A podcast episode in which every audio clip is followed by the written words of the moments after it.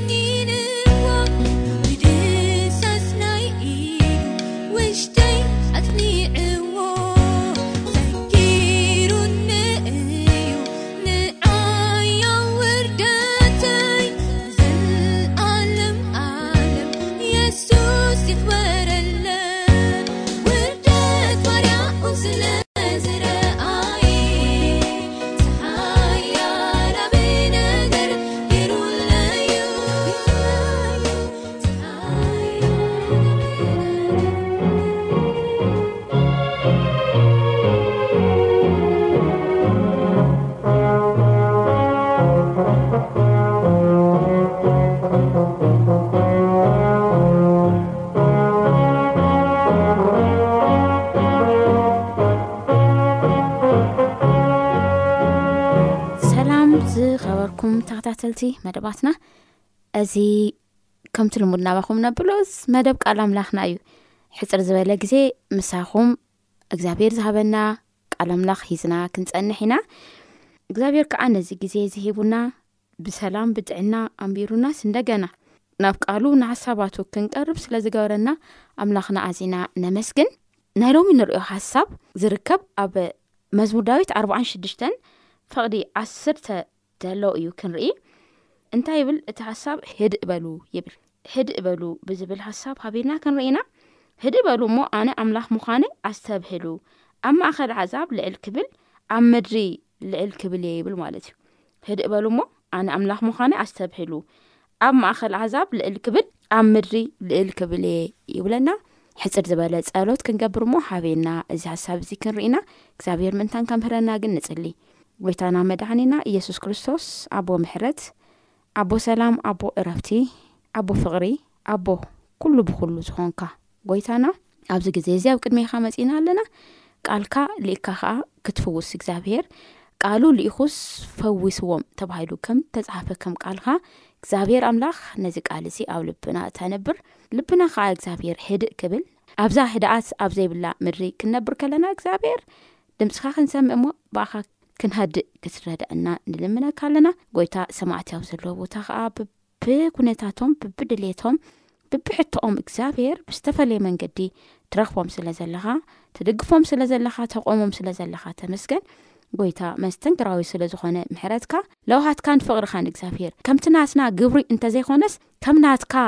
ፍቓድን ከም ናትካ ጸጋን እግዚኣብሔር ትእንግለና ትድግፈና ትመርሐና ስለ ዘለኻ ተመስገን ጸጋካ ሃበና ሓይልካ ሃበና ረድኤትካ ካባና ይፈለይ ብወድኻ ብመድኃኔዓለም ብኢየሱስ ክርስቶስ ኣሜን። ሕራይ ዝኸበርኩም ሰማዕቲ እዚ ዘንበብክዎ ጥቕሲ እንታይ ይብል ህድእ በሉ እሞ ኣነ ኣምላኽ ምዃነይ ኣስተብህሉ ኣብ ማእኸል ኣሕዛብ ልእል ክብል ኣብ ምድሪ ልእል ክብል እየ ይብለና ማለት እዩ ኣብዛ ንነብረላ ምድሪሲ ሰላምና ብብግዚኡ እናጠፈኣ ዝተፈላለዩ ክስተታት ኣብ ህይወትና እናመፁ ኣብ ዘላ ዓለም ኢና ንነብር ዘለና ዝተፈላለዩ ማእበላት ኣብ ነብስና ይለዓሉ እሞ ሓደጋ ኣብ ህይወትና ከውድቑ ከምኡ ከዓ ፍርሒ ኣብ ልብና ክነግስ ክገብሩ ዘሎ ግዜና ነና ማለት እዩ እዛ መርከብና ትናወፀሉ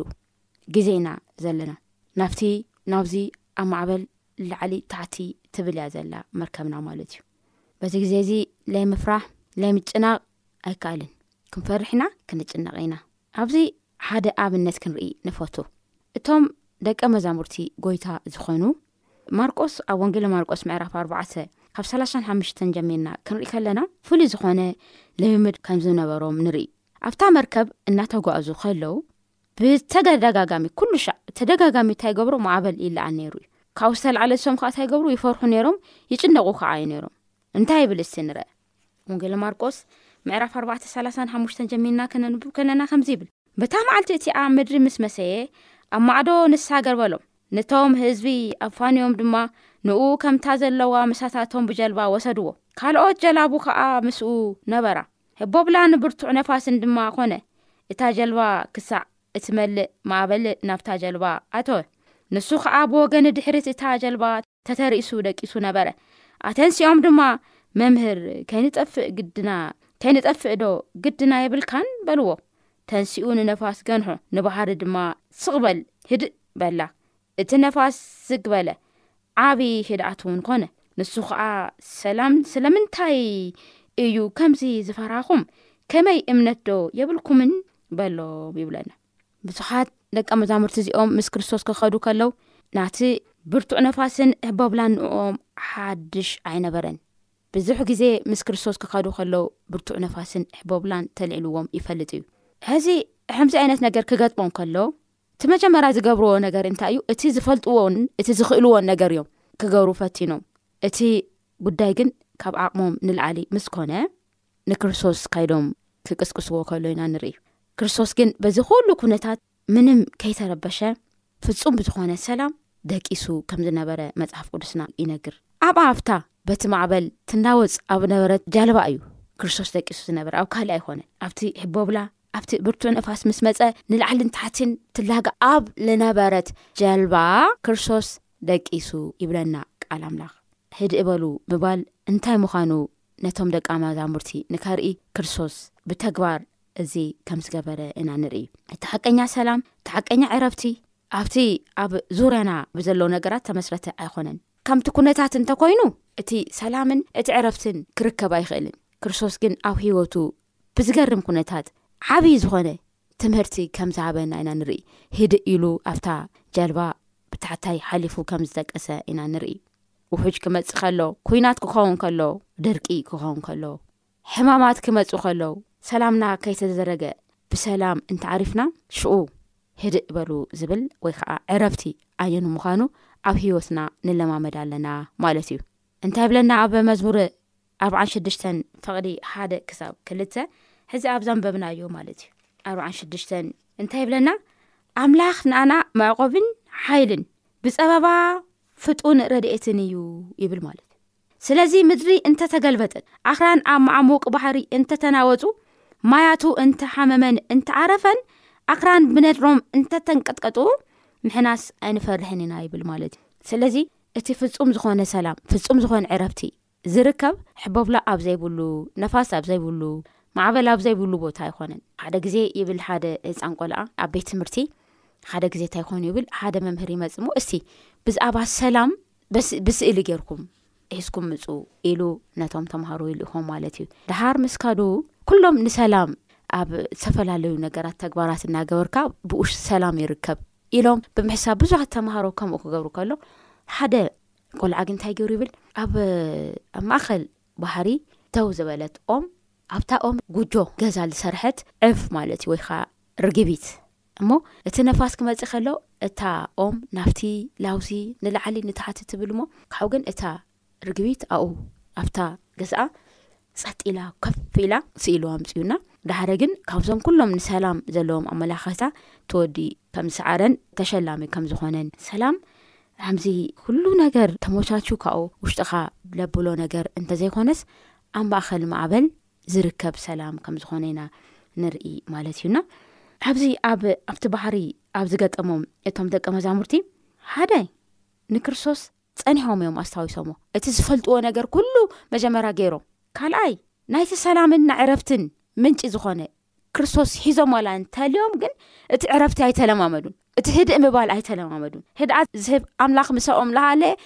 ህድእ ምባል ግን ኣይተለማመዱን እቲ ሳልሳይ እዩ ናብቲ ማዕዶ ንስገር ዝበለ ንሱ ምዃኑ ረሲዖሞ እዮም ናብቲ ማዕዶ ንስገር ዝበሎም ኣብታ ጀልባ ክኣትዩ ዝገበሮም ንሱ እዩ ግን ረሲዖሞ ከም ዝነበረ ንርኢ ማለት እዩ ስለዚ እንታይ ኢና ንርኢ ካብኡ በዚ ማእኸል ከለው ግን እቲ ሂወቶም ክመሰቃቅል ከሎ እቲ ሂወቶም ላዕልን ታሕትን ክብሎ ክገለባበጥ ከሎ ብነፋስ ብሕቦብላ ብማዕበል ክናወፅ ከሎ ኢና ንርኢ ማለት እዩ ብድሕሪኡ ግን እንታይ ገይሮም ኣስታዊሶም እቲ ዘበለ ዝክእልዎ ኩሉ ምስ ገበሩ ኩሉ ምስ ገበሩ እቲ ነፋስ ደው ምባል ኣይክኣልን ድሕሪኡ እንታይ ገይሮም ህቦብላ ምብርቱ ነፋእሲ ምስ ኮኖም እንታይ ገይሮም ኣተንሲኦም እንታይ በሉ ይብለና ኣብ ማርቆስ ሕዚ ዘንበብናዩ ኣተንሲኦም ድማ መምህር ክንጠፍእ ዶ ግድና የብልካን በልዎ ይብል ክንጠፍእ ዶ ግድና የብልካን ኢሎሞ ማለት እዩ ካብ ዓቕሞም ንላዕሊ ምስ ኮነ ምስ ተፈተኑ ክገብሩ ኣብ ዘይክእሉ ደረጃ ምስ በፅሑ ካብ ዘኪሮሞ ሎሚ እውን ናይና ሂወት ከምኡ እዩ ዝመስል ናይዞም ደቂ መዛሙርቲ ሂወት ይመስል ካብ ናያቶም ጌጋ ኣይተማርናን እቲ ናታቶም ጌጋ ደጊምና ክንደግም ከለና ኢና ንርኢ ማለት እዩ ኣብ ማመዓልቲ ክንነብር ንኽእል ኣብ ዕረፍቲ ጎይታ እዩ፣ ኣብ ህድኣት ኣምላኽ እዩ። ግን ደቂስና ከሪምና ኣብ ልኾነ ቦታ መማዕልታዊ ዝኾነ ህይወት ምስ ጎይታ ዘይተለማመድና ደቂስና ከሪምና ጸገም ክገጥመና ከሎ ካብኡ ብዙሕ ጉልበት ኣውጺእና ናባዕልና ንኽእሎ ነገር ኩሉ ኣቢልና ሓይልና ምጽጽ ኢሉ ምስ ተወድአ ሓይልና ምስ ደኸመ ተስፋ ምስ ቆረጽና ኣብቲ ተስፋ ብዝቆረጽናዮ መንገዲ ኦ ኣምላኽና ርድኣና ክንጠፍእሲ ገዲፍካና ዲኻ ክንብል ንረኣ ማለት እዩ ኮይኑ ግን እግዚኣብሔር ምእንተ ስሙ ኢሉ ኣብ ልኾናዮ ኩነታት ዋላ እንተኾና ልክዕ ከምቶም ደቀ መዛሙርቲ ማለት እዩ ኩሉ ናብ ባዕሎም ፍታሕ ምስ ደለዩ ምስ ሰኣንዎ ካብኡ መምህር ኢሎም ከም ፀውእዎ ንርኢ ማለት እዩ ክንጠፍእ ዶ ግዲ የብልካኒ ኢሎም ከም ዝሃተትዎ ዓይና እውን ናይ ባዕልና መፍትሒ ዝበሎ ኩሉ ወዲእና ካብ ኣቕሚና ምስ ኣበይ ምስ ደኸምና መፂእናት ኣይንብል ኣንታ ጎይታ ክንጠፍእ ዶ ግዲ ኣይብልካን በጃካ ረኣየና ንምንታይ ስቅ ኢልካና ገለ ኢና ንብል ማለት እዩ መጀመርያ እኮ ግን ኣይረኣናዮን ልክዕ ከምቶም ደቂ መዛሙርቲ ኣይረኣናዮን ሓቢሩና ከሎ ምሳና ክጓዓዝ ከሎስ ብትክክል ኣያስተውዓልናዮን ጎይታ ግን ምእንተ ስሙ ኢሉ ኣይድብርየናን ኣይገድፈናን እንታይ ኢልዎም ንሱ ከዓ ስለምንታይ እዩ ከምዚ ዝፈራሃኹም ከመይ እምነት ዶ የብልኩምን በሎ